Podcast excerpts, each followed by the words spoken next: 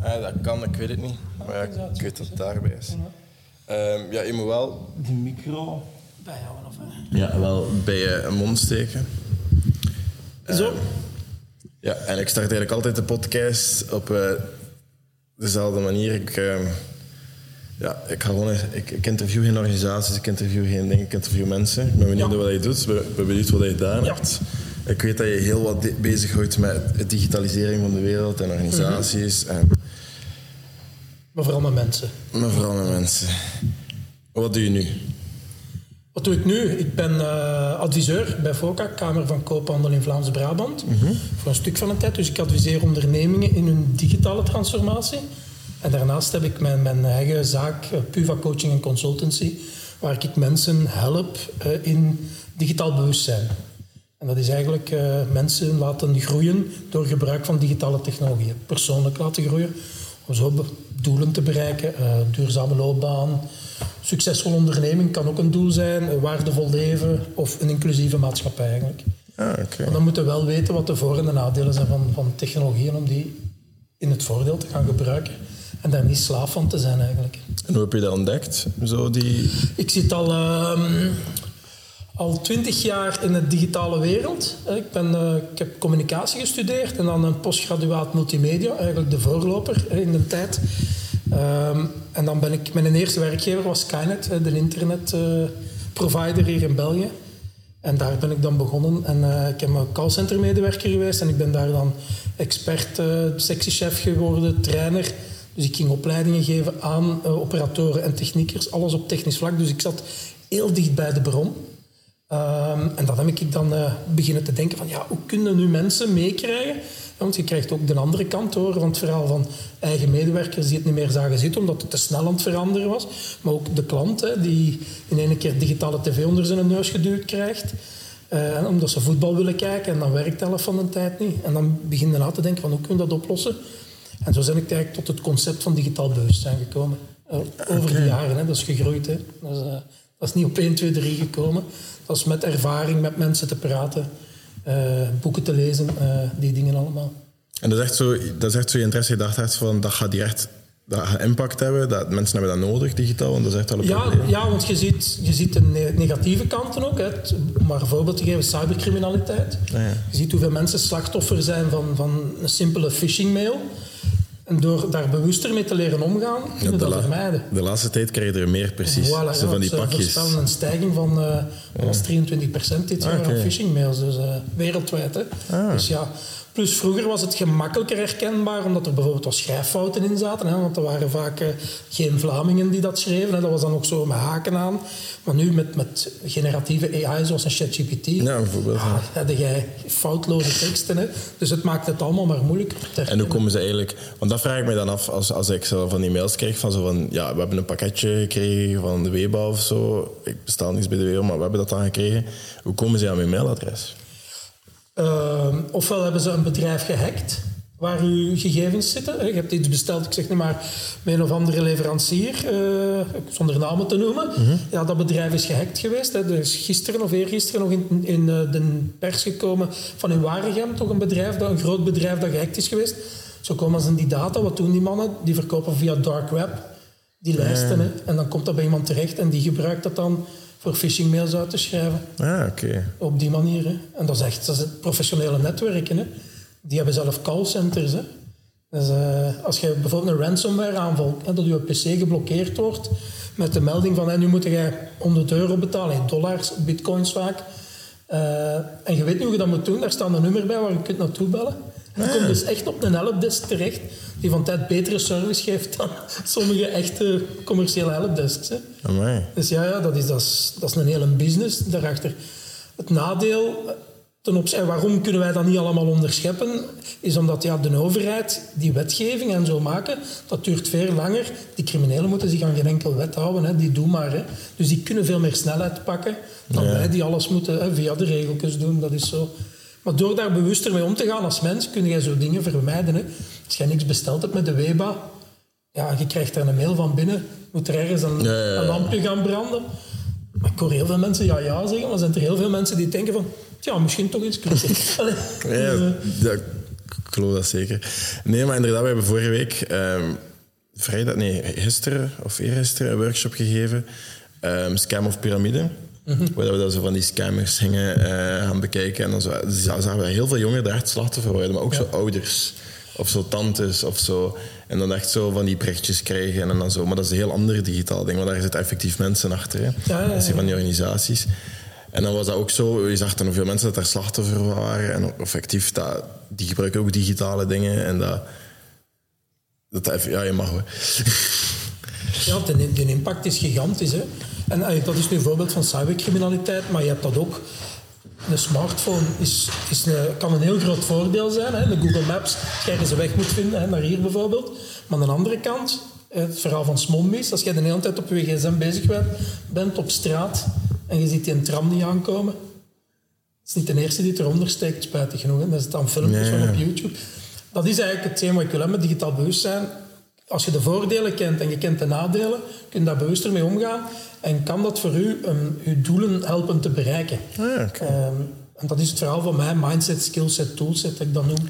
Eigenlijk. Oh ja, wat ik nu eigenlijk wel zo benieuwd naar ben, want allee, je helpt echt zo bedrijven en ook mensen en zo met digitaal. Veel, we, hebben, we hebben heel wat jongeren die op, op zoek zijn naar een job. En je hebt zelf ook ervaring bij de VDAB en zo, en je weet hoe dat allemaal in elkaar zit. Stel, een jongere wil nu een job vinden, bijvoorbeeld een groot deel van onze markt zijn mensen die grafische opleiding hebben gedaan, maar niet de digitale skills hebben om dan bijvoorbeeld in een organisatie te gaan werken. Wat zijn dan digitale tools zodat die zeker moet beheersen om eigenlijk een job te vinden? Ehm, ja, ik, ik ga niet altijd graag van de tools alleen uit. Heel Nee. vaak begint het gewoon met voor jezelf te bepalen wat, wat zijn de waarden die je aan jezelf oplegt. Hè. Om maar een heel concreet voorbeeld te geven. Als jij vindt dat duurzaamheid een belangrijke waarde is dat je nastreeft en je gaat op zoek naar werk, dan moet je ook op zoek gaan naar de werkgever die die waarden heeft. Daar begin je dan mee, want anders zit al met een mismatch. Impact dat ze nu toch aanwerft, ja, dan op een bepaald moment gaat het tot een, een conflict ja. komen. Hè. En dan gaat dat ook geen duurzame relatie zijn. Dus daar begint het mee. Dat is dat mindset-verhaal. Weten wat uw waarden zijn, weten wat je wilt bereiken voor jezelf. En dan gaan kijken welke vaardigheden heb ik nodig voor dat doel te bereiken en welke tools heb ik daarvoor nodig. Grafische sector, denk ik sowieso een Canva een hele gemakkelijke is. Zeker als je bij, bij, in, bij KMO's aan de slag zou gaan. Ja, die hebben niet de grote budgetten om van die grafische studios eh, en een Photoshop of zo aan te kopen. Dus die gaan vaker met de, de kleinere middeltjes eh, aan de slag. En dan is een Canva een hele goede tool. En daar kun je heel veel mee bereiken eigenlijk. Ja, ja, ja. Ehm, en dan nu heb je tegenwoordig heel veel van die AI-oplossingen eh, die u vooruit helpen. Waar je vroeger in Photoshop al die handelingen met Ctrl-Shift-toetsen allemaal moest gaan doen. Dus ja, het is gewoon meegaan en voelen van wat is er nodig, waar is de markt. En daar zit vooral de, de, de, de issue ten opzichte van vroeger. Is van, je gaat dat constant moeten bij, bijschaven. Want eh, Photoshop is een hele traditionele tool, die evolueert ook mee. Maar dus je moet ook je eigen kennis onderhouden. Maar er zijn zoveel concurrenten van Photoshop die het van tijd gemakkelijker maken dan wat Photoshop doet. Dus ook daar gaat u moeten cont- continu bijscholen. Terwijl de vroege generaties, hè, diegene van mijn leeftijd en ouder dan mij, ja, die hadden vaak genoeg van kennis rond één grote tool, diepgaande kennis. Maar dat is minder en minder. Je moet echt bijschaven, heel de, heel de carrière lang eigenlijk. En daar ligt de moeilijkheidsgraad voor vele mensen ten opzichte van vroeger. Ja, dus eigenlijk gewoon, whatever dat je doel is, eigenlijk gewoon kijken hoe je daar raakt en die middelen echt gewoon leren gebruiken. Ja, we zien nu ChatGPT en al die AI-tools en zo. En er is zo wat vrees dat er wat jobs gaan verliezen en zo, of dat bijvoorbeeld scholen dat dat niet moeten gebruiken en zo. Maar allee, ik persoonlijk denk dat de mensen die die tools gaan leren gebruiken, dat die niet moeten vrezen voor hun job of zo te verliezen. Want allee, de mensen die die tools gaan kunnen gebruiken, die gaan mensen die die tools niet, die gaan die vervangen. Maar die, die apps gaan die niet vervangen, denk ik. Maar je gaat altijd, dat is altijd geweest doorheen heel de, de arbeidsmarkt, hè, van, laten we zeggen van de industriële revolutie tot, tot vandaag de dag. Er zijn altijd jobs die verdwijnen als er iets nieuws komt, maar er zijn ook altijd jobs die erbij komen. En een digital marketeer, tien jaar geleden, bestond dat niet. Hè. Een social media manager, tien jaar geleden, was dat misschien een die ermee bezig was. Nu, elk bedrijf zoekt er bijna een, bij manier van spreken. Dus daar ook van, kijk, wat interesseert u? Wat zijn mijn waardes? Hoe kan ik ik daarin bijscholen? En ga mee, stapsgewijs. En je gaat nooit niet zonder vallen, daar ben ik vrij zeker van. En ik denk in de creatieve sector nog meer, omdat dat nog moeilijker te vervangen is, de job op zich volledig door een geautomatiseerd systeem. Je, hebt, je kunt wel tools hebben, hè, zoals je ChatGPT of een DALI, bij manier van spreken, waar je eh, die prompts moet schrijven. Dat is een andere aanpassing, maar je hebt nog altijd wel iemand nodig Die die prompts... die die prompts schrijft. Dat vraagt wel een aanpassing van, van uw, uw takenpakket eigenlijk. Maar ik denk niet dat in de creatieve sector heel veel jobs gaan gaan... Als je mee evolueert, dat er heel veel jobs gaan, gaan verdwijnen eigenlijk. Ja, nee, ik denk dat ook niet. Ik denk dat je gewoon ja, mee moet aanpassen. Maar zijn er zo dingen dat, dat je wel echt belangrijk vindt? Bijvoorbeeld jongeren die, bijvoorbeeld heel wat jobs in de administratieve, want wij gaan nu misschien een sprint doen. Bijvoorbeeld voor, eh, voor we merken heel veel meisjes dat die moeilijk te bereiken zijn. en, want die zitten binnen, jongens die zitten op straat, die kan je vinden. Bijvoorbeeld op café, je hebt heel werk gevonden.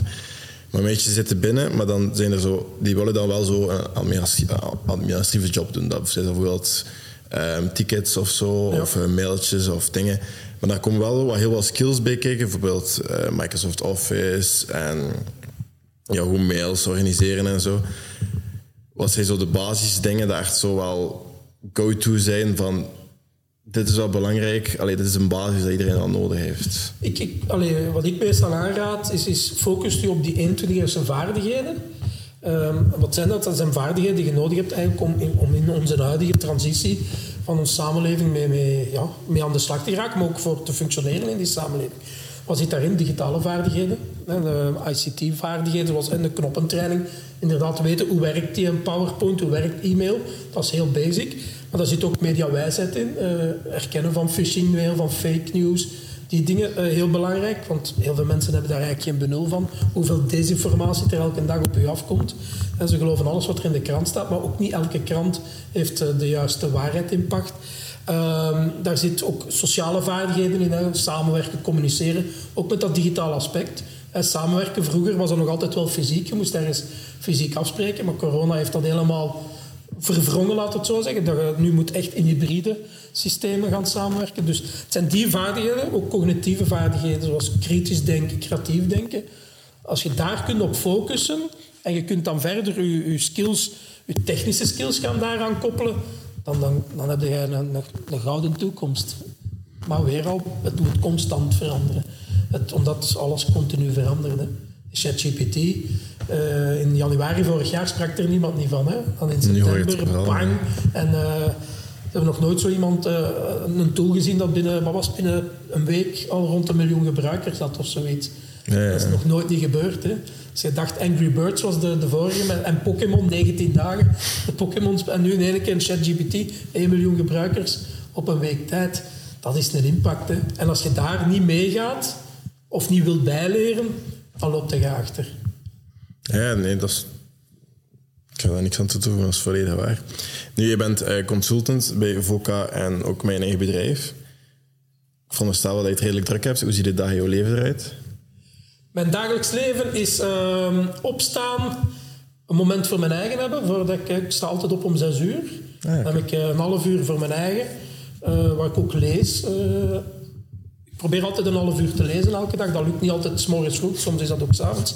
Uh, dat heb ik. En dan mijn dag begint eigenlijk rond 7 uur met de kinderen die opstaan. Die dan om half acht uh, vaak ofwel naar de, de grootouders gaan of zo, hè, richting school. Ofwel ben ik het al die vertrek en is mijn vrouw die het overneemt. En dus mijn werkdag begint dan half acht, acht uur. Uh, en dat is ingevuld ofwel... is dat bedrijven, ondernemers gaan, gaan begeleiden, ondersteunen in hun digitale transformatie. Dat is vooral de taak die ik binnen VOCA doe. Ofwel voor mijn eigen bedrijf is het dan ik geef keynotes, ik geef workshops rond digitaal bewustzijn. Ik ben momenteel ook aan een online microlearning cursus aan het werken rond het digitaal bewustzijn. Dus daar kruipt dan mijn tijd in. Dus eigenlijk is dat een lange dag. Maar ik doe dat met heel veel passie en plezier, dus waardoor dat dan niet lang lijkt. Ik zit nergens niet met lange tanden te wachten van, oh, is mijn dag nu niet voorbij? Dus en, en, dan het avondritueel is, ik probeer sowieso altijd mijn kinderen s'avonds te zien en in bed te stoppen. Maar ja, daar zitten ook activiteiten bij. Uh, netwerkevents, uh, ook events waar ik zelf moet gaan spreken, die dingen allemaal. Dus maar mijn dag is digitalisering alom eigenlijk. Hè. Ja. En dan probeer ik af en toe daar wel eens de, de, de rem op te zetten. Dus een detoxdag in te voeren. Uh, dat je echt zegt van niks werk, niks digitaal, geen gsm. Oh, dat is moeilijk. Dat is niet altijd eenvoudig, nee. Want uh, ja, je hebt ook kinderen. Mijn kinderen zijn nog klein. De, de oudste is uh, tien jaar, negen en zeven. Dus ja, die hebben ook hun activiteiten. De oudste heeft dan een gsm mee, want ja, soms is dat niet evident voor op tijd daar te zijn. Dus ja, als je dan ja, zo'n detoxdag op die ene dag wilt doen, heb je toch nog altijd een beetje dat toestel bij, omdat je toch een beetje bezorgd bent van, Ja, tuurlijk. moest hij iets, voor hebben dat iets kan laten weten. Maar dat lukt wel, als, zeker als je in gezinsverband bent, kun je afspraken maken. Ehm, voor mij lukt dat eenvoudiger dan voor de kinderen. Dat is heel moeilijk voor zonder tablet te leven. Ja, ik kan me dat niet voorstellen dat, Dat is, eh, eh, de laatste keer dat ik een, een volledige dag zonder mijn telefoon zat. Dat is, Ja, ik, nou, eh, dat is... ehm, mij brengt dat met mijn voeten op de grond. Ja, ik zit daar ook dag in dag uit mee bezig. Hè. Ieder moet dat voor zijn eigen opmaken. Je kunt dat ook maken door regels op te stellen. Eh, in het gezin ook bijvoorbeeld van eh, je mocht maar een uur, ik zeg nu maar per dag op een tablet of zo. Allee, ieder moet dat voor zijn eigen uitmaken, zien wat werkt. Want niet werkt bij ons is dat ook constant zoeken. ja, wat dat mij enorm heeft geholpen is op die iPhone zo die, ehm, die focusmodus. Ja. Zo werk bijvoorbeeld, dan kan je me niet bereiken. Dan kan ik enkel zo WhatsApp op mijn MacBook af en toe Ja. bekijken. En dan zeg ik ook, plan dat ook in wanneer dat ik zo melkjes en die dingen bekijk. Als het echt dringend is, dan bereiken ze mij wel. Ja. En dan, eh, dan ben ik niet zo afgeleid van die stomme meldingen. Ja, ik probeer dat ook, eh, singletasking noemen ze dat doen. Ik probeer taak per taak te doen. En dan alles wat, wat eh, afleiders zijn, van de andere kant te laten. Dus met een gsm echt met een wifi uit te zetten, notificaties uit te zetten, wel de telefoon op te laten voor als er iets is, maar voor de rest dan nog op drie meter afstand, dat ik nog moet opstaan, dat ik niet een automatisme heb voor die vast te pakken. Want je zou verschieten hoeveel keer dat je je gsm vastpakt, Ja. zonder dat je dat bewust Dat is bijna 100 keer, soms op een is, dag.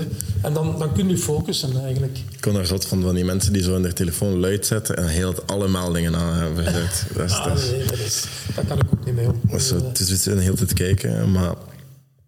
Nee, maar dat is wel interessant, maar je hebt zo ook zo eh, ja, de digitalisering van bedrijven.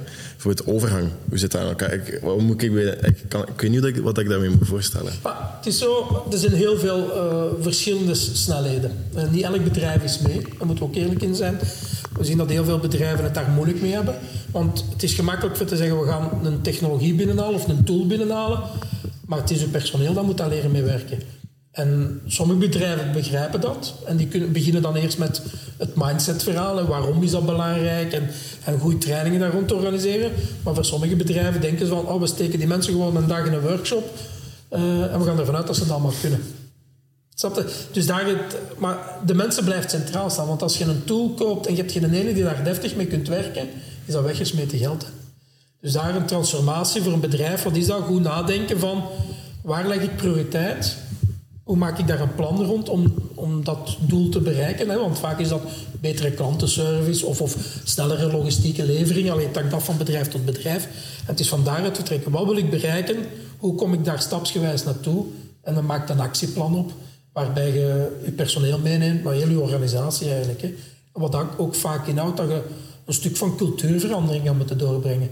Richting een leercultuur gaan, eh, wat ook een hele moeilijke is. Hè? Dus, eh, dat iedereen ook wil bijleren. Hè?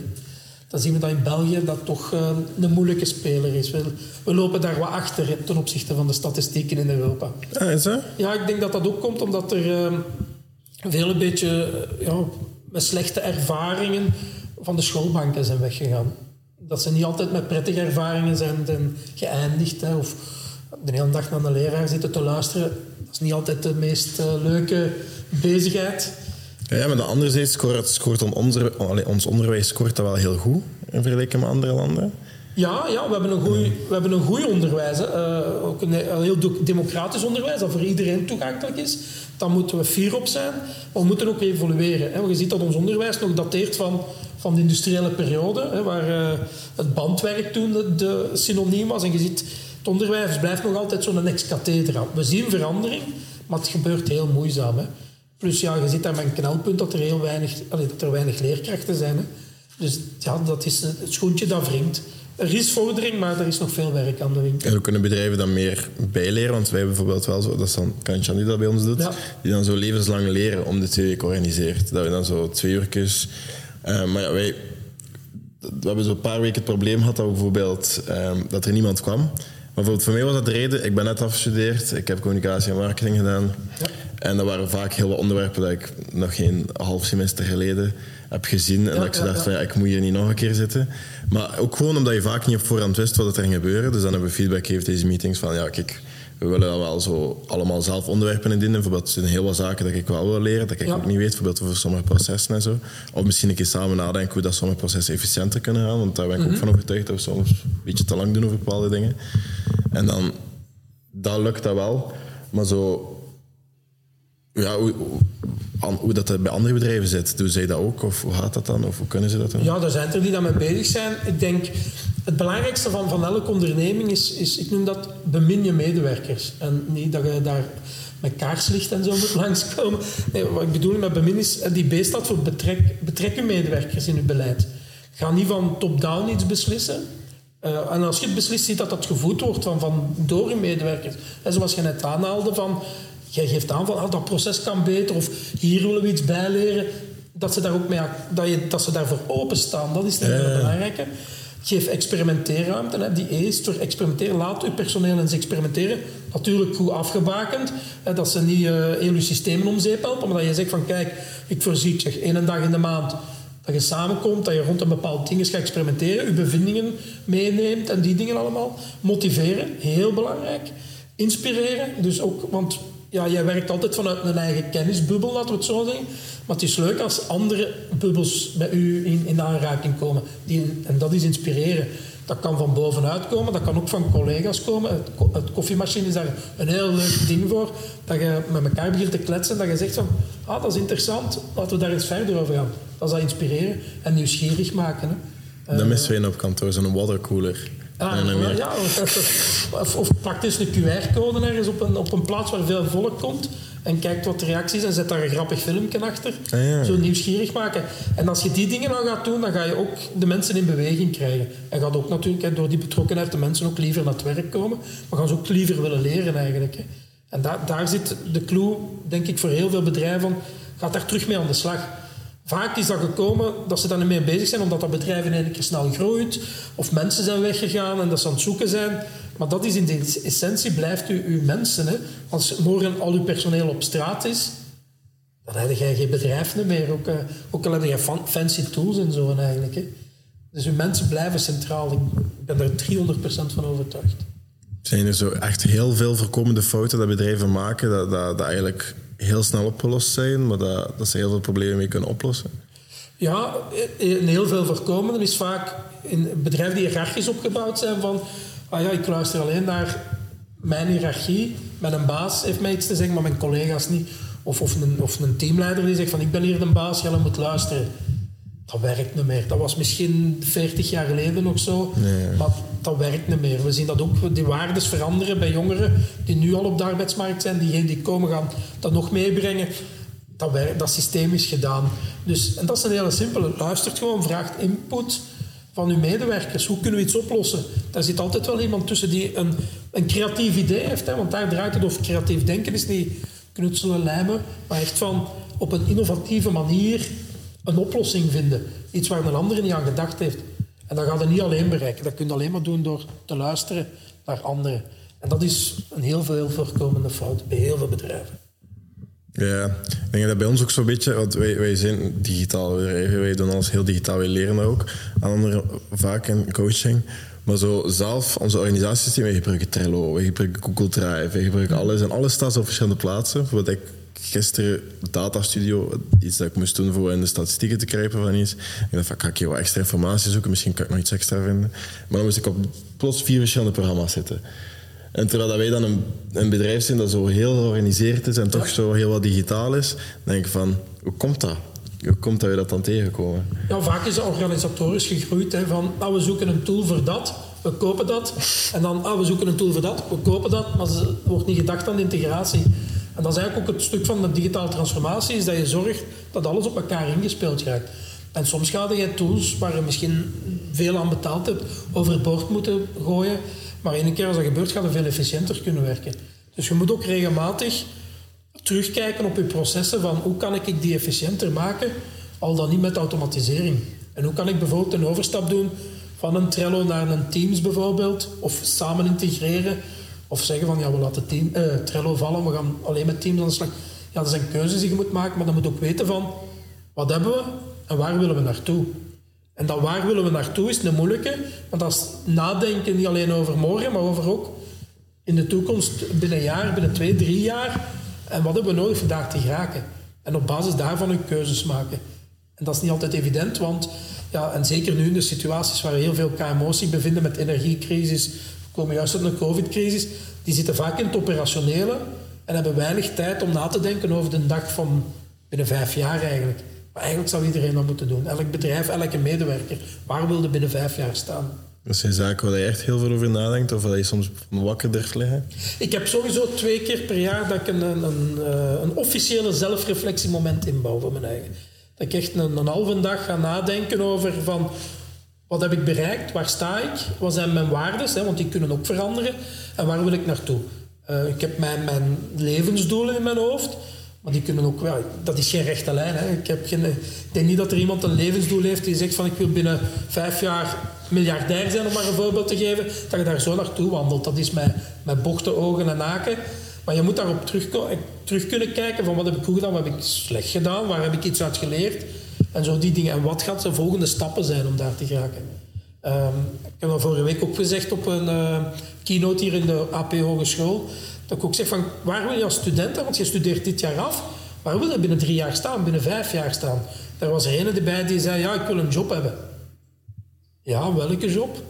Had daar nog niet bij nagedacht. Maar ik zei, ja, dat is wel belangrijk dat je weet van, wat wil je voor job? Want als jij morgen veearts zult worden, om het heel extreem te zeggen, dan is het niet morgen dat je daar een actie voor moet ondernemen, maar nu. Moet je daar nu beginnen stappen in te ondernemen. En dat kan beginnen met een boek te lezen, u in te schrijven op een, eh, op een, eh, een cursus, naar een opleiding gaan, die dingen allemaal. Maar dan moet je wel weten waar je naartoe gaat. En niet zo, ja, ik zie wel. Ja. Nee, dat is waar. Ja, maar ik vind het ook heel moeilijk om zo te weten waar je binnen vijf jaar moest staan. Dan moest je tegen mij vijf jaar geleden bijvoorbeeld zeggen, ja, je gaat betaald worden voor podcasts op te nemen, of je gaat van alles doen, je gaat zelf alle dagen bezig met TikToks of zo. Ik ging zeggen, wat een rare flauwekul ben hij aan het zeggen. Ja. En ik ging je niet geloven. Dus ik vind dat heel moeilijk, want binnen vijf jaar, dat, er ligt niets vast. Dat is heel moeilijk zo. Nee, maar je moet, allez, een, een, uh, wat ik altijd zeg, een toekomstbeeld hoeft daarvan niet vast te liggen. Hè? Want ik had ook nooit gedacht dat ik uh, zelfstandige ging worden. Hè? Ja. Dus uh, wat ik wel wist vrij vroeg, is dat ik met digitalisering bezig wou zijn. En dat was voor mij mijn doel, is van daar dingen mee te mogen doen, dat dat mijn passie mocht blijven. En ik denk als iedereen nakijkt, iedereen heeft wel iets dat hem zegt van, oh, dat wil ik blijven doen. Of, en dat kan ook veranderen, hè, want dan kom je iemand op je pad tegen of je krijgt kinderen of, of die dingen. Maar dat kan je kwaad, maar dan heb je ergens voor naartoe te werken. En dat, als je een vooruitzicht hebt, kun je daarmee mee, mee aan de slag gaan. De richting helpt al enorm, denk ik. Voilà. En dat ook in een loopbaan is dat heel belangrijk. En zeker vroeger hadden de, de traditionele loopbaan, waar je begon met een werkgever, je maakte dan misschien promotie, maar je ging daar ook op pensioen noem dat de citroenloopbaan, hè, want je trekt een zuur gezicht op een bepaald moment. Want is, je bent wel goed betaald, hè, de gouden kooi. Maar op een bepaald moment denk je van, ja, moet het hier nog allemaal? En dan ziet het een beetje als een citroen uit, die dingen. Maar dat is gedaan, dat gaat niet meer. Waarom niet? Om heel veel bedrijven, ja, die, die, die hebben het nu ook moeilijk. Dus de top 500 bedrijven wereldwijd van, van tien jaar geleden is niet meer hetzelfde als een top 500 van nu. Als je kijkt naar de top 5 al, daar zit niks anders dan de, de big tech in. Twintig jaar geleden was dat niet het geval. Er zijn heel veel bedrijven, de Kodak, maar een voorbeeld geven, die failliet gegaan zijn omdat ze niet mee zijn gegaan in het verhaal. Maar zei jij daar werknemer, zijn je wel zwaar gejost op dat moment. En daar ook van maakt, is belangrijk van, ja, je hebt een beeld van waar wil je naartoe. En je hebt de kansen nu, denk ik, ook in onze maatschappij, om daar zelfstandig naartoe te kunnen gaan. Vroeger waren we altijd afhankelijk van, van, uh, van iemand. Als we teruggaan, vele eeuwen terug in de middeleeuwen. Dus als we, om terug te gaan op dat feudaliteit. In de middeleeuwen waren we afhankelijk van die leenheer. Die besliste van, krijg, krijg je als boerken een stuk grond. Dus je werd afhankelijk... In de industriële revolutie waren we afhankelijk van de fabrieken. Mag ik aan de band gaan werken? Luister ik niet, vlieg ik buiten. Maar je ziet door al de technologische evoluties... is de mens steeds minder afhankelijk geworden van anderen. En Digitalisering heeft een gigantische onafhankelijkheidssprong gecreëerd. Want heel veel, je ziet heel veel mensen die, die zelfstandig beginnen. Hè. Uh, je hebt alle tools ook die, die bijna niks meer kosten. En de Canva is gratis. Hè. Vroeger moest je een Photoshop-abonnement, allez, Photoshop betalen. Uh, wat ook veel geld kost, om maar een voorbeeld te geven. Ja, nu zijn er heel veel tools die je gratis kunt gebruiken, waardoor als zelfstandige persoon, dat kan ook binnen een bedrijf meer zelfstandigheid hebben. Hè. Maar daardoor kun je veel meer zelfstandigheid inbouwen. Dus dat is iets dat we zeker niet mogen vergeten. En ook in uw loopbaan, doordat alles zo verandert, gaat ook veel meer jobwissels hebben. Bedrijven die failliet gaan, bedrijven die mensen ontslagen omdat bepaalde technologieën hun job on, allee, overbodig maakt. Dat gaat altijd gebeuren. Hè. Uh, maar je ziet ook mensen die vanuit eigen passies meer beginnen te werken. Terwijl vroeger, mijn ouders... Ik denk niet dat mijn vader zijn passie was voor de Nationale Bank te werken. Uh, die vond zijn passie meer naast zijn werk. Maar die deed dat omdat hij jobzekerheid wou, die wou vast loon. Maar nu zie je ook de generaties voor mij, de jongeren die er nu opkomen, die volgen wel meer hun passie. Omdat je ook de middelen hebt, de tools hebt voor dat te doen. Dus ja, je gaat ook veel meer jobwissels hebben doorheen. Ja, ik heb uh, advies gekregen van een prof communicatie van mij, van Arno. Hey, allee, ik had hier mijn stage aan en ik ging hier communicatieverantwoordelijk worden. En dan zit je als communicatie ieder drie jaar probeer je job oftewel te wijzen of naar een andere firma te gaan of zo. Maar dan ga je altijd blijven bijleren. Dat gaat nooit zo... Ja, ik, bij mij was het om de vijf jaar. Uh, dat dat gebeurde. Ook binnen dezelfde bedrijven dat je, dat je kunt doorgroeien. Hè. Maar inderdaad, ik voelde bij mezelf aan dan na vijf jaar, het was, het was op voor mij. Dat ik nieuwe uitdagingen nodig had. Dus ik heb ook vijf jaar bij VDAB gewerkt. En uh, ik voelde de uitdaging was op. En vandaar dat ik nu deels zelfstandig, deels bij, als adviseur bij VOCA werk. Ja, ja, ik, vond dat, ik vond dat toen zo van, ah, maar, maar ik, ik, snap het wel meer omdat jij na een bepaalde tijd ben je ook de enige die, die alles kent van de job en dan mm zo niks meer echt kan bijleren. Want ik heb zelf ook in de politiek even gewerkt uh, en ik was daar, dat was toen zo net het begin dat social media echt zo belangrijk begon te worden in politiek en zo. En ik was daar de enige die content maakte. Dus ik moest overal zijn. Ja. En uh, het ding was, voor mij was in het begin heel goed voor heel veel te testen. Maar op een bepaald moment had ik ook zoiets van, ik kan hier niks meer leren, want ik ben de enige die dit doet. Voilà. En, en daarmee dat ik ook aanmoedig van, pakt één keer, twee keer per jaar eens een moment om aan die zelfreflectie te gaan doen. En te gaan kijken van, hoe sta ik hier in mijn job? Doe ik dat nog graag? Is hetgeen wat ik wel wil doen? Of, of heb ik andere passies dat ik wil gaan doen? Uh, en dat wil niet zeggen dat je daarvoor van job moet veranderen, maar dat je daar wel bewust van bent. Van, dit wil ik, hier sta ik. En zo is mijn werk op het moment. Gelukt het niet, maakt, laat u niet ongelukkig zijn in je job. Hè. Zoek dan een andere uitdaging. Want eigenlijk, als je kijkt op een ganse dag, zitten de meeste tijd op je werk. Hè. Een andere tijd, andere groot deel is slaap, van manier van spreken. Want dan, waarom zou je dan ongelukkig zijn in je job? Gaat iets doen wat je graag doet. Want die werkgever heeft er ook geen baat bij met daar iemand te laten zitten die, die daar tegen zijn goesting zit. Hè. Want dat heeft impact op de productiviteit, op, op, zelfs op de teamgeest en die dingen allemaal. Dus, dus ik blijf dat aanmoedigen. Ga naar eens voor de spiegel staan en denk er eens over na. Maar voor sommige mensen is dat heel moeilijk om een job te vinden. Bijvoorbeeld, ik kom heel vaak in contact met jongeren die bijvoorbeeld geen diploma hebben. Die dan, um, bijvoorbeeld, we hebben hier jongeren die wel wat, heel wat skills bevat en heel mhm. wat, wat vaardigheden, maar nooit krijgt een reactie op zijn eh, dingen. En wij helpen hem met CV, CV en zo. En dan zie je hem uiteindelijk solliciteren voor jobs als uh, in de kuisploeg en zo. Wat er niks verkeerd ja. mee want dat kan wel ja, als met die draaien, die routine vinden en zo. Maar uiteindelijk, heel veel mensen hebben toch wel moeite met zo uiteindelijk die jobs. Uh, heb je daar tips voor? Ja, allee, het, is, het, is, twee kanten. De ene kant is ook van, wat je ook vastziet, is dat er een, ik noem dat de verkeerde mix is aan mindset, skillset, toolset. En want uh, je kan misschien wel de vaardigheden hebben, maar als het in je hoofd, in je overtuigingen, je attitude niet juist zit, is dat ook een probleem. het kan ook zijn dat, om een voorbeeld te geven, als je een auto hebt en je kunt er niet meer rijden, hè, ja, dan gaat het met die auto ook niet te goed kunnen rijden. Dat is het skillset verhaal. Omgekeerd is ook waar. Je hebt misschien wel je rijbewijs, je kunt ermee rijden. Maar als je de auto niet hebt, dan gaat het er ook niet geraken. Dus het is vaak de mix van mindset, skillset, toolset. Dus ik, daar, als, zeker in een zoektocht naar een job is het belangrijk dat je weet van... Wat is mijn attitude? Uh, wat is mijn mindset? Wil ik leren? Wil ik, wil ik niet een know-it-all zijn in de zin van... Ik kan alles, ik weet alles... Uh, nee, je wilt leren, dat is al een hele belangrijke. Dat straalde dan ook uit als je dat meeneemt. Je vaardigheden aan te passen. En zeker als je geweigerd wordt in een job, vraag om feedback. Vraag waarom. En welke skills zaten niet goed. Of, of mijn attitude misschien niet. Want dan kun je daar werk van maken. Uh, en tools, ja, tools is van ja, als je met een auto nodig hebt, of je hebt een rijbewijs nodig, ja, dat zijn dingen, daar kun je omgaan. Natuurlijk heb je daar de middelen niet voor, dat, maakt, dat is ook een beperking. Maar ook daar zijn mogelijkheden door aan te kloppen bij een VDAB of zelfs bij een OCMW of zo. En daar moet je ook geen angst voor hebben. Die instellingen zijn daar om u te helpen. Maak daar dan ook gebruik van. Dus het is op die drie niveaus dat ik heel vaak zie dat het probleem zit. Het kan ook één niveau zijn, hè, dat je een bepaalde skill te weinig hebt, maar je moet de juiste mix hebben. Uh, ik ken het nooit gehoord, ik vind het wel heel interessant. Ja, het is, allee, het is door die juiste mix hebt, dat noemen ze, dan kun je peak performance halen. Ja, en dat is het zoeken. Hè. En uh, dat is niet bij iedereen direct. Hè. Uh, maar ik ben ervan overtuigd, als iedereen daarbij stilstaat en erover nadenkt en hem daar laat in begeleiden, want je moet er ook niet vanuit gaan dat je alles zelf kunt, dan komt het er wel. Is het tegenwoordig moeilijker of eenvoudiger om werk te vinden zonder diploma?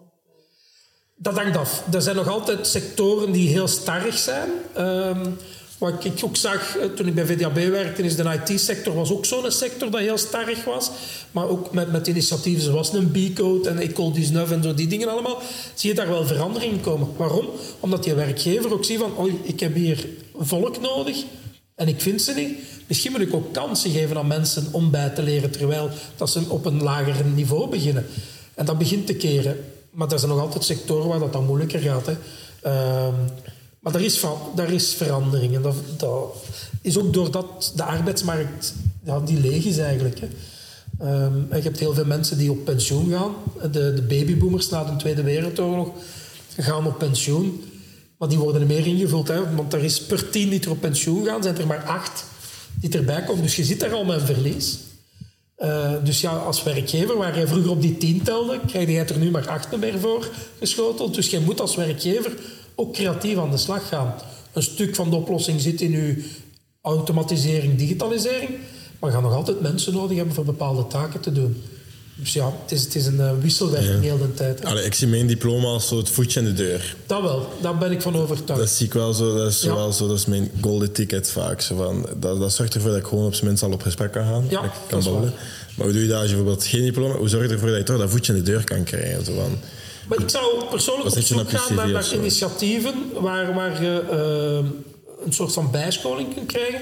Om het B-code voorbeeld te geven, waar je op zeven maanden tijd uh, op tot junior webdeveloper kunt gaan.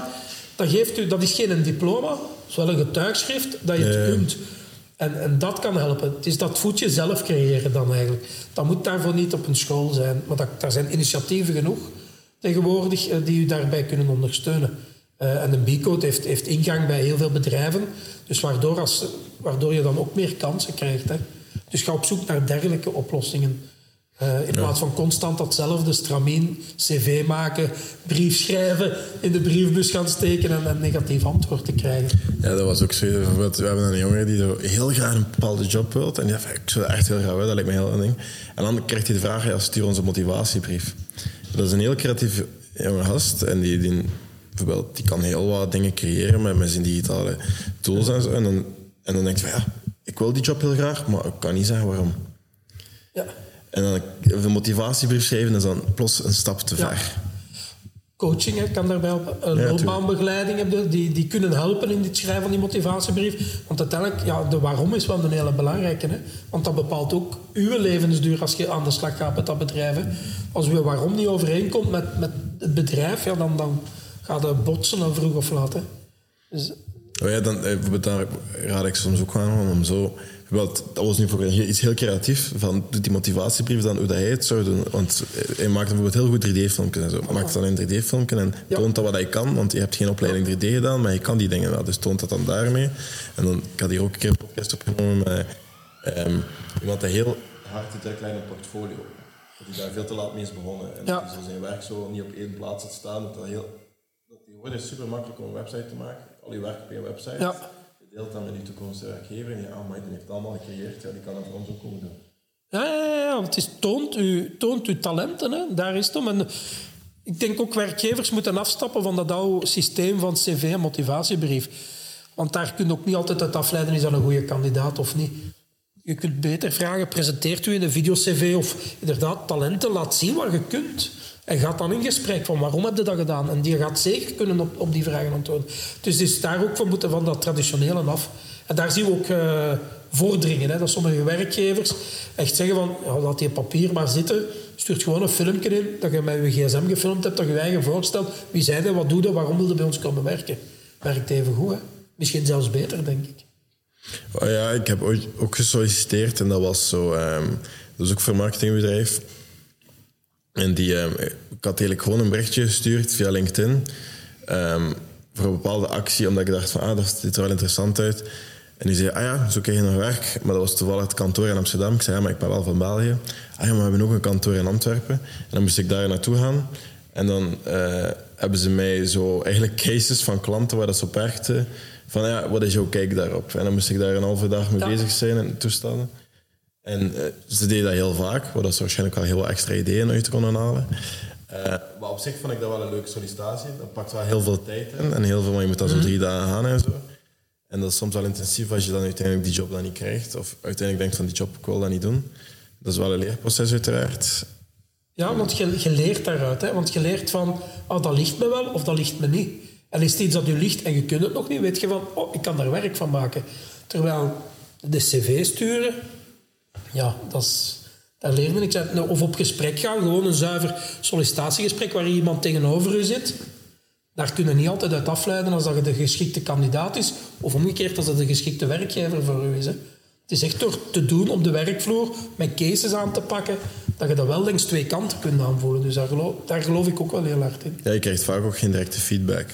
Ik vind feedback heel belangrijk, omdat ik dan weet, ik weet wat ik goed doe, Ja. maar ik weet ook wat ik slecht doe. Want vaak wordt dat zo niet gezegd. En daarom vind ik bijvoorbeeld Nederlandse cultuur veel leuker. Die, Veel opener, hè? Ja, als, als Ja. Het, dat niet klopt, klopt het niet. En die gaan dat gewoon direct tegen gezicht zeggen. Ja, daar heb ik het ook eh, voor. Ik heb liever dat ze het in mijn gezicht zeggen en dat ik het weet en dat je er werk kunt van maken. En dat is niet altijd plezant. Maar met die feedback, door die aan te nemen, hè, want daar zit dan weer dat mindset-verhaal, staat het er voor open of niet? Als je het er voor open staat, is dat onschatbare waarde voor je. Want- je weet van, ah, daar moet ik een werkpuntje, dat is een werkpuntje, daar kan ik werk van maken. En zo groeit ook. Hè. Bij elke sollicitatie kun je groeien. Hè. Elke afwijzing is aan de andere kant een opportuniteit voor iets bij te leren. Zo moet het zien. Positief blijven staan. En ik weet dat dat niet prettig is, zeker als je lange tijd op zoek bent naar het werk. Maar zeker niet opgeven en durft middelen, eh, durft bij een VDAB aan te kloppen, durft mensen aan te spreken voor u te helpen. Hè. Eh, dat is heel belangrijk. En ik denk nog belangrijker in de toekomst is dat netwerk, dat community. Want pak dat je toch werk vindt, eh, en misschien is dat het begin van uw, van uw carrière, uw eerste stap op dat laddertje. Ja, als je verder vooruit wilt, ga je een netwerk moeten hebben. Waarom? Omdat alles verandert, zo snel tegenwoordig. Hè? Om weer dat ChatGPT-verhaal te geven. Je begint in de creatieve sector. Je bent een expert in, in Photoshop. Maar in september komt dan ChatGPT uit. Ja, eh, als jij niet mee een probleem. Dus ook, je kunt ook niet verwachten dat je alles direct mee bent. Maar door een netwerk te hebben van mensen die daar expert in zijn... of die bij andere bedrijven werken... en die te durven contacteren gaat het zelf vooruitgang boeken. Het is niet alleen eigen kennis, het is collectieve kennis dat ook helpt. Want de ene is sterker in, in het ChatGPT-verhaal, de andere in Canva, om maar een voorbeeld te geven. Durft die bellen van hé, hey, eh, Joske, ik heb dat probleem. Kun je mij rap in zo'n 10 minuten of bij koffieke de grote lijnen meegeven, dat ik mee ben, die dingen allemaal. En er veel meer input, je gaat ook veel meer van absorberen dan eh, een boek te lezen van 300 pagina's. Hè. Ja, zeker. Wat zijn, wat zijn zo'n netwerktips voor jonge mensen die net een carrière starten of zo, denk, dat, dat je wel denkt dat het heel nuttig kunnen zijn? Voor mij, voor mij is bijvoorbeeld deze podcast, dat helpt mij enorm. Omdat ik vaak met heel wat interessante mensen in Antwerpen en dingen in gesprek ga. Zoals met jou nu, dat is, dat is nu direct een gesprek dat ik neem met iemand en leer kennen, waarmee dat hij bezig is. Maar veel mensen krijgen deze kans niet. Of die, die moeten het doen via LinkedIn of zo, maar dat is heel moeilijk. Ja, LinkedIn heb je de communities. Die, voor mij zijn die ook heel belangrijk. Ehm, want daar kun je heel snel dingen opvatten. Dus ook al zaten uh, van onder aan de ladder, om het in die bewoording te zeggen, kies communities uit die u liggen. Hey, je gebruikt echt communities. Ja, ja ik, echt naar, ik, schrijf me in op communities, ik volg op wat daar staat. Ik kan in reactie, soms dat ik een vraag stel van ah, dat is mij niet duidelijk, die dingen allemaal. Dus daar gebruik van maken en ga naar net, netwerkevents. Hè. Dat kan ook van de gemeenten uit zijn. Dat kan van, uh, van een Unizone VOCA, die dingen zijn. Dat kan u helpen. Uh, want om maar een voorbeeld te geven, ondernemers zijn lid bij VOCA, maar dat uw medewerkers mogen ook naar die netwerkevents gaan. Allee, dat zijn afspraken die gemaakt zijn. Maak daar gebruik van en durf eens een wildvreemde aanspreken. Hè. Van, wie zeg jij, wat doe jij? Dan gaan er wonderen, een wondere wereld open. Zo heb ik al heel veel mensen leren kennen. Dus, ja, ja was een, allee, bijvoorbeeld, deze job heb ik puur ook door connectie. Ik, heb, uh, ik werkte als adventure instructor en deze, mm -hmm. die, dat was een bedrijf die een communicatie met dit bedrijf deed. En ik had een stage, ik had twee, zoals altijd was ik super voorbereid. Ik had twee dagen voor mijn stageplaats te vinden. En ik dacht van, oei, ken je toevallig een communicatiebedrijf of zoiets? Ja. En dan ben ik hier terecht te komen ja, die is ook met jongeren bezig en zo. Want ik heb ook een eigen podcast, waar ik met Ja. heel wat jongeren en zo. En dan, ja, die doen ook wel heel veel dingen. En dat matchte direct, dus ik had wel heel geluk, want eh, heel deze cultuur, dat is ook gewoon wie dat ik ben. Ik had gisteren, want Rafael is ook wel iemand zo, zo beetje zo met de mindset zoals hij zegt van ja, je hebt waarden nodig, je hebt, je hebt doelen, en zo elf principes. Ik heb ze gisteren gelezen voor de eerste keer, want ze waren een beetje moeilijk te vinden in het eh, digitaal systeem. Ehm, en dat was wel zo een beetje heel, bijna allemaal dingen waar ik echt wel achter stond. En ehm, volgens mij doet hij ook wel zijn aanwerving met die Ja. principes. En dat, is- dat, is- dat is wel aan te raden, denk ik. Maar ik heb ook wel dat, die, die denk puur door een connectie had, puur door hard te werken op mijn job toen. En dan, eigenlijk, ik ga die doorverwijzen, want, allee, want allee, mijn werkgever toen, Tom, die zet ook zijn naam op spel door mij door te verwijzen naar hier. Mhm. Ja, ja. Dus allee, als ik mij daar niet genoeg had bewezen, ik die ook niet doen. Maar ik denk dat connecties heel veel kunnen doen. Ja, ja, ja. Je ziet dat ook met mensen die in een sociale isolatie zitten, die een, klein netwerk hebben of zelfs geen netwerk hebben, dat die ook moeilijker aan werk raken. Ook. Omdat die ook ja, helemaal geïsoleerd zijn van, van de buitenwereld. Dus het is belangrijk van, van een netwerk te hebben en, ook durven in een netwerk in te, in te stappen eigenlijk. Want daar zit ook vaak de drempel. Ik heb dat ook soms nog, hè, dat je zegt van oh, ik zie hier een hele hoop bende mensen samen, ik ken daar niemand niet. Maar dan moet echt gewoon durven binnengaan. Hé, hey, ik ben hoerig. Wie zit jij? En de nadruk moet niet op u liggen. De nadruk moet op die andere persoon liggen. Hè. Eh, want ja, jij weet wie je bent in principe. Maar interesseert u in wat die andere mens is? Toont empathie, hè, want dat vind ik ook heel belangrijk binnen digitaal bewustzijn. Want dan kun je ook, en door empathie te tonen, kun je ook beter dat netwerk uitbouwen, relaties opbouwen die, die duurzamer zijn. En dat is gewoon door vragen te stellen van wie zit jij, wat doe jij, oh, dat is interessant.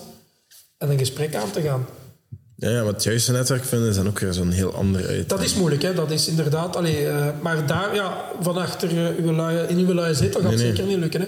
Dus je gaat daar naar events moeten gaan. Maar dat, ik zeg, dat kan ook vanuit de bibliotheek zijn. Hè? Een bibliotheek die, die een avond doet, een lezing of zo. Gaat daar ja. naartoe. Hè? Dat is Vorige week hadden we weer iemand die leesclubs eh, organiseerde. Voilà, is, allee, er zijn heel veel initiatieven, en zeker in steden, en zoals Antwerpen, die, die, die staan vol met initiatieven. Je zou elke avond, denk ik, iets kunnen gaan doen dat u eigenlijk niks kost. Want daar moet je het financiële aspect nog bekijken.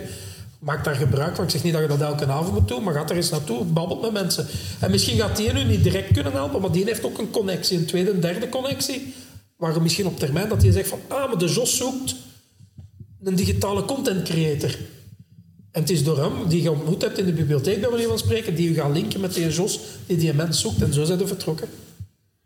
Ja, ik denk dat... Nee, allee, voor mij persoonlijk heeft dat heel veel geholpen door connecties. En dat gaat, dat gaat altijd zo blijven, denk Ja. ik. Maar ik denk...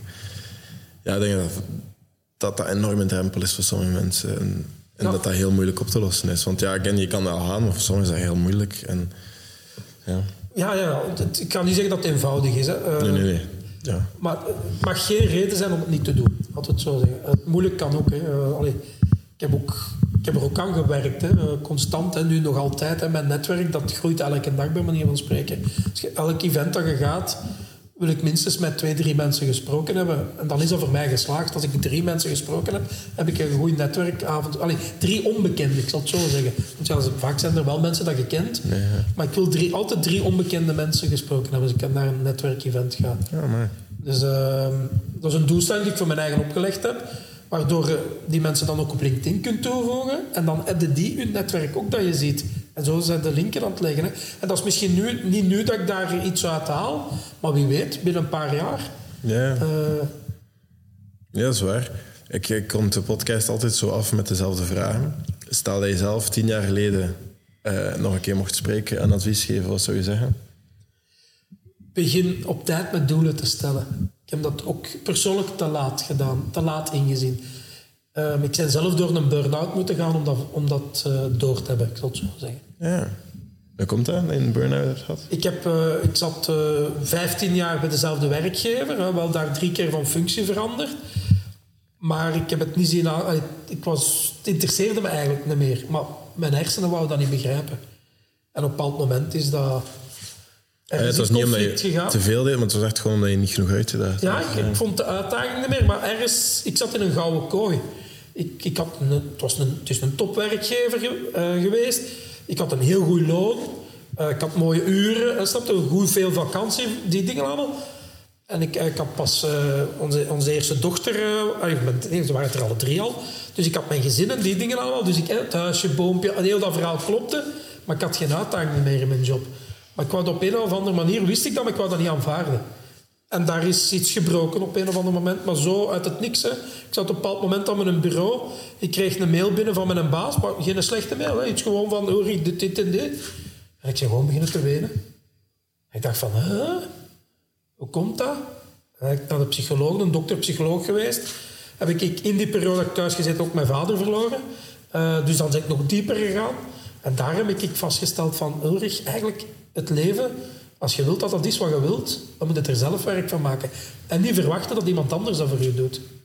Dat is zeker waar. Dus dat is zeker een tip dat ik meegeef.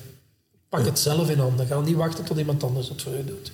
Ik denk dat dat ook een antwoord is op de andere vraag dat ik zou stellen. Is dat je een tip mocht geven aan alle jongeren die naar dit luisteren. Wat zou je geven? Ja, Pak het zelf in Pak het handen. zelf in handen en durf mensen aan te spreken om u te helpen. Wees daar niet beschaamd voor.